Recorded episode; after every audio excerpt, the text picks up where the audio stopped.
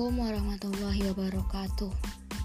Perkenalkan nama saya Mela Nurul Badriah Dengan NIM 1901654 Dari PKN 2019A uh, Saya dari uh, kelompok 2 Di sini saya uh, membuat podcast Untuk memenuhi salah satu tugas uh, pendidikan IPS uh, Di mana saya ingin memberikan sedikit pendapat dan juga komentar kepada kelompok 4 yang sudah presentasi uh, untuk pembahasan ini. Mungkin saya rasa uh, mereka bertiga uh, Fadil, Ivan, dan Elia sudah cukup baik dalam menyampaikan materinya. Namun saya ingin um, menambahkan sedikit pendapat mengenai pendidikan kewarganegaraan. Menurut saya, Pendidikan kewarganegaraan ini mengandung arti bahwa peserta didik harus dipersiapkan untuk berpartisipasi secara efektif dalam dinamika kehidupan masyarakat. Siswa memiliki kesadaran untuk meningkatkan prestasinya sebagai bentuk tanggung jawab warga negara yang setia pada negara. Pendidikan nilai dalam tujuan ini lebih ditekankan pada kewarganegaraan.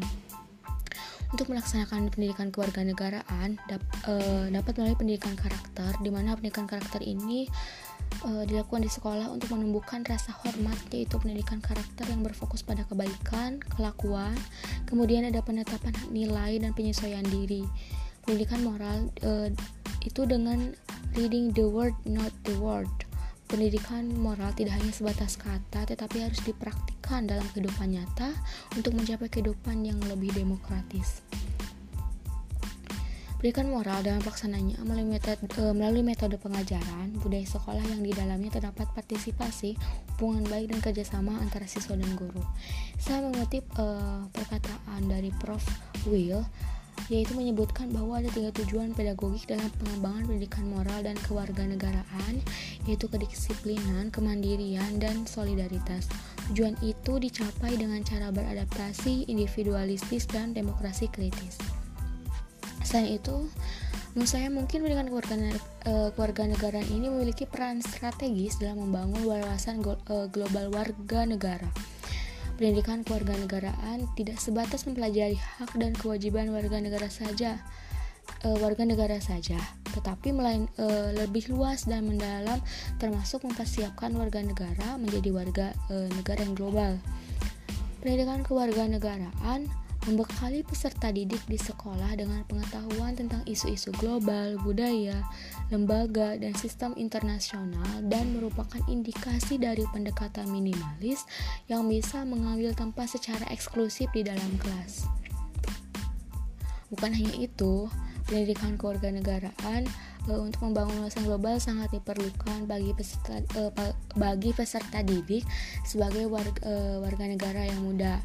Eh, generasi muda atau peserta didik ini akan menghadapi tatanan dunia baru di mana mereka akan berkontak langsung atau berkomunikasi uh, berhadapan dengan individu yang dari beragam etnis, jenis kelamin, bahasa, latar belakang sosial ekonomi bahkan yang terpenting adalah uh, rasnya.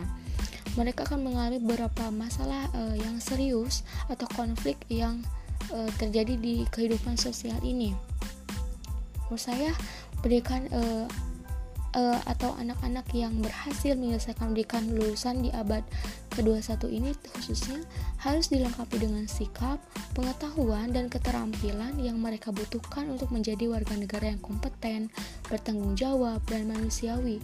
Pendidikan kewarganegaraan harus dikembangkan agar mampu membekali warga negara muda dengan pemahaman global yang memadai.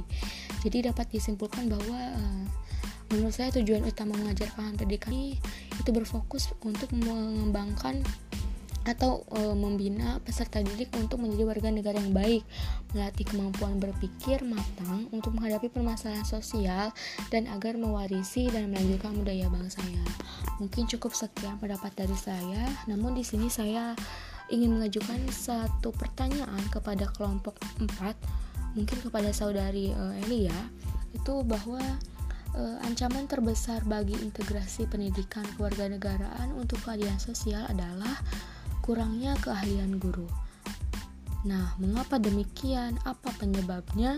Dan bagaimanakah upaya untuk meningkatkan keahlian guru tersebut? Terima kasih. Wassalamualaikum warahmatullahi wabarakatuh.